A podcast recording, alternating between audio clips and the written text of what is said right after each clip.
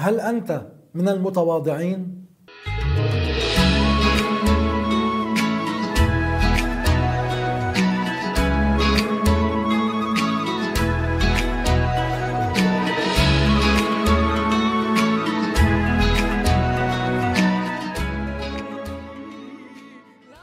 الحمد لله وصلى الله وسلم على رسول الله.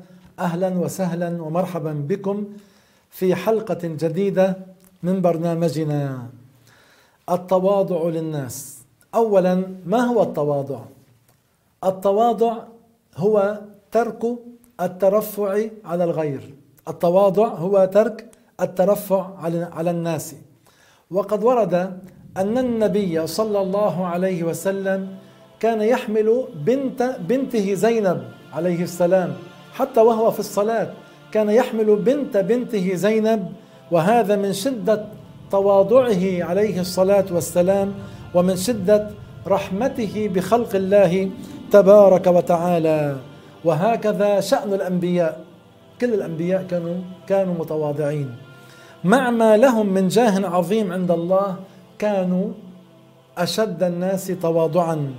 وكان نبينا وحبيبنا وعظيمنا محمد صلى الله عليه وسلم يحلب شاته بيده ويخصف نعله بيده أي يصلحه ويرقع ثوبه وفي مهنة بيته من شدة التواضع.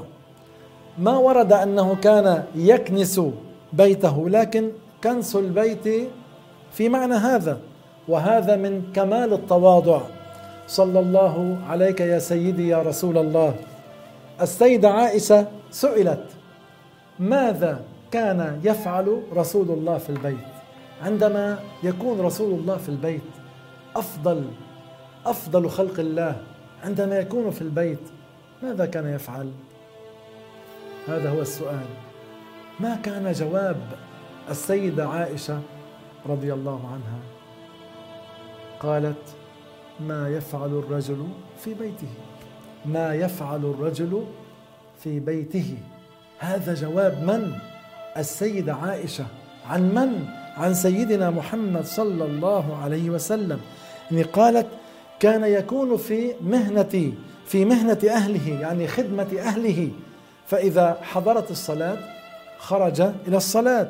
فإذا الأنبياء من أول نشأتهم تعودوا على التواضع. لذلك كل نبي كان سبق له رعية الغنم. رعيه الغنم تمرن صاحبها على الصبر على التعب. تعرفوا لأن الغنم كثيرة التفلت. هذه تفلت إلى هنا وهذه تفلت إلى هنا. فالرجل يتعب في رد هذه إلى هنا وفي رد هذه إلى هنا. فقبل النبوة ينشأ النبي على التواضع والتعب في خدمة الخلق لأن الأنبياء جامعون لأوصاف الكمال. من الرحمة ولين الجانب والدؤوب على السعي في مصالح الناس. لذلك علق قلبك بالأنبياء واعمل جاهدا على أن نقتدي بهم على أن نقتدي بهم وأن نعمل مثل ما عملوا مثل ما كانوا يعملون في في معاملتهم مع الناس. وقد أحب رسول الله صلى الله عليه وسلم أن يكون في الدنيا مع المتواضعين وأن يحشر يوم القيامة مع المتواضعين. وقد طلب من الله تعالى أن يحشر في زمرة المتواضعين.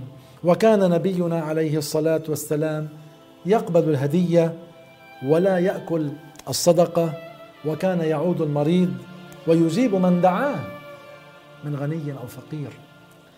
ودني وشريف ولا يحقر مؤمنا يا سلام. ولا يدع أحدا يمشي خلفه. وكان يأمر بالرفق ويحث على العفو والصفح ومكارم الأخلاق. أليس؟ قال عليه الصلاة والسلام إنما بعثت لأتمم مكارم الأخلاق. فالتواضع التواضع التواضع. التواضع مطلوب مع الكبار والصغار. والأغنياء والفقراء لوجه الله تعالى. التكبر مذموم. التكبر لا يحبه الله. التكبر مذموم في وجه المؤمن وغير المؤمن لأن الأنبياء لما دعوا الكفار إلى الدين ما كانوا متكبرين عليهم. لأنهم لو كانوا متكبرين عليهم لو كانوا متكبرين في وجوه الكفار لنفروا عنهم. وأحوال النبي عليه الصلاة والسلام وغيره من الأنبياء تدل على ذلك. ما كان الأنبياء ليكونوا متكبرين لأن التكبر رد الحق والحق مع الأنبياء. التكبر هو رد الحق والحق كان مع الأنبياء. والناطق بالحق ليس متكبرا بالفعل. الذي ينطق بالحق لا يكون متكبرا. فإن التكبر شأن الكافرين. أها. فالتكبر صفة مذمومة مع المتواضع وغير المتواضع. يعني ليس الأمر كما يقول بعض الناس التكبر على المتكبر صدقة. هذا كلام باطل هذا كلام غير صحيح. بل التكبر صفة مذمومة. رب العالمين لا يحب هذه الصفة المذمومة. الله تعالى يحب المؤمن المتواضع ويكره المتكبر. كل من له درجة عالية عند الله تعالى يكون متواضعا. من الآخر كل من له درجة عالية عند الله تعالى صفته التواضع وصفته أيضا من الصفات التي لا يحبها الله تعالى العجب يعني ترك العجب من صفات الصالحين. ما هو العجب؟ العجب هو شهود العبادة صادرة من النفس غائبا عن المنة. يعني أن ينظر العبد إلى محاسن أعماله أنها صادرة من نفسه غائبا عن شهود أنها نعمة منة من الله عليه. يعني إذا الإنسان عمل حسنات كثيرة لا ينظر إلى نفسه بعين التعظيم اليوم تصدقنا وصلينا وصمنا وفعلنا كذا وكذا وكذا. فينظر إلى نفسه بعين التعظيم لما فعل من الأعمال الحسنة وينسى منة الله عليه بأن الله تعالى هو الذي وفقه لهذا العمل. بأن الله تعالى هو الذي أعانه هو الذي أقدره على هذا العمل. افرح بالحسنة نفرح بالطاعة. نفرح بالحسنة ولكن إياك أن تنظر إلى نفسك بعين التعظيم وتنسى منة الله عليك. تنسى بأن الله تعالى هو الذي أقدرك وأعانك على هذه على هذه الطاعة أو على هذا العمل. ولولا فضل الله عليكم ورحمته ما زكى منكم من أحد. فتذكر أن الطاعات التي تقوم بها منة من الله عليك ولكن من فرح بالحسنة لا يكون قد خالف شريعة الله تبارك وتعالى. فإذا التواضع ترك الترفع على الغير. ليس كل غني متكبرا وليس كل فقير متواضعا. ليس كل غني متكبرا وليس كل فقير متواضعا. فاذا من تأمل في أحوال الصالحين والصحابة الذين اتبعوا رسول الله صلى الله عليه وسلم اتباعا كاملا ومن بعدهم علم أنهم كانوا متواضعين وأنهم لم يكونوا مترفعين على الناس. نسمع الإمام الشافعي. الإمام الشافعي رضي الله عنه الذي مضى على وفاته ما يزيد على ألف ومئتي سنة رضي الله عنه وقال فيه رسول الله أو قال الرسول حديثا فسر بالإمام الشافعي رضي الله عنه قال عليه الصلاة والسلام لا تسبوا قريشا فإن عالمها يملأ طباق الأرض علما. نظر العلماء في هذا الحديث. الرسول ماذا قال؟ لا تسبوا قريشا فإن عالمها أي هذا العالم من قريش يملأ طباق الأرض علما أي ينتشر علمه في الشرق والغرب. فنظروا في علماء المذاهب الأربعة. أبو حنيفة ليس من قريش. الإمام مالك أيضا ليس من قريش. أحمد بن حنبل كذلك ليس من قريش. بقي الإمام الشافعي رضي الله عنه كان من قريش.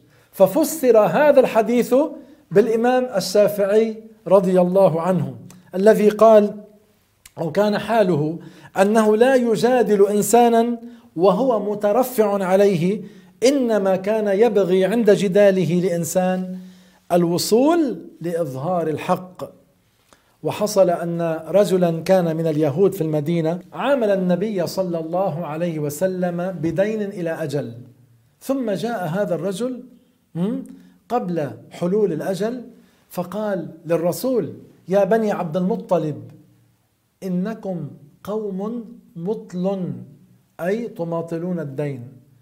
ومطل الغني هذا تأخير دفع الدين هذا هذه المماطلة. من كان غنيا ليس له أن يماطل في رد الدين مع المقدرة على أن يرد الدين. هذا الرجل ماذا قال للرسول؟ إنكم قوم مطل أي تماطلون الدين في رد الدين. فالرسول لم يعنفه ولا أظهر الغضب منه فلم يعامله النبي بالمثل. انظروا إلى سيدنا محمد صلى الله عليه وسلم فلم يعامله بالمثل رجاء إسلامه. ولو رد عليه النبي لم يكن ظالما. ولو رد عليه النبي لم يكن ظالما لأنه افترى على النبي صلى الله عليه وسلم ثم النبي عليه الصلاة والسلام أمر بوفاء دينه على وجه الإحسان. دفع له زيادة. فقال الرجل أشهد أن لا إله إلا الله وأشهد أن محمدا رسول الله. لولا تواضع الأنبياء من أين يستفيد منهم البشر هذه الفائدة التي هي سبب السعادة الأبدية؟ يسبون فيقابلون الإساءة والإهانة بالإحسان. هذا بتواضعهم. هذا رسول الله صلى الله عليه وسلم. لم يكفهر لم يكفهر بوجه هذا اليهودي الذي أهانه من ذم الرسول من ذمه وذم عشيرته. لأن كلام هذا الرجل شامل للرسول ولعشيرة الرسول عليه الصلاة والسلام كأنه قال يا محمد أنت وعشيرتك تماطلون الدين. لذلك لما رأى من النبي ما رأى أسلم هذا الرجل لأنه أراد أن يمتحن رسول الله صلى الله عليه وسلم. هل يجد فيه العلامات التي هي مذكورة في بعض الكتب القديمة من صفة سيدنا محمد عليه الصلاة والسلام فلما رأى ذلك دخل في الإسلام وقال أشهد أن لا إله إلا الله وأشهد أن محمدا رسول الله. صلى الله عليك يا سيدي يا رسول الله. صلى الله عليك يا حبيب الله. والله تعالى أعلم وأحكم.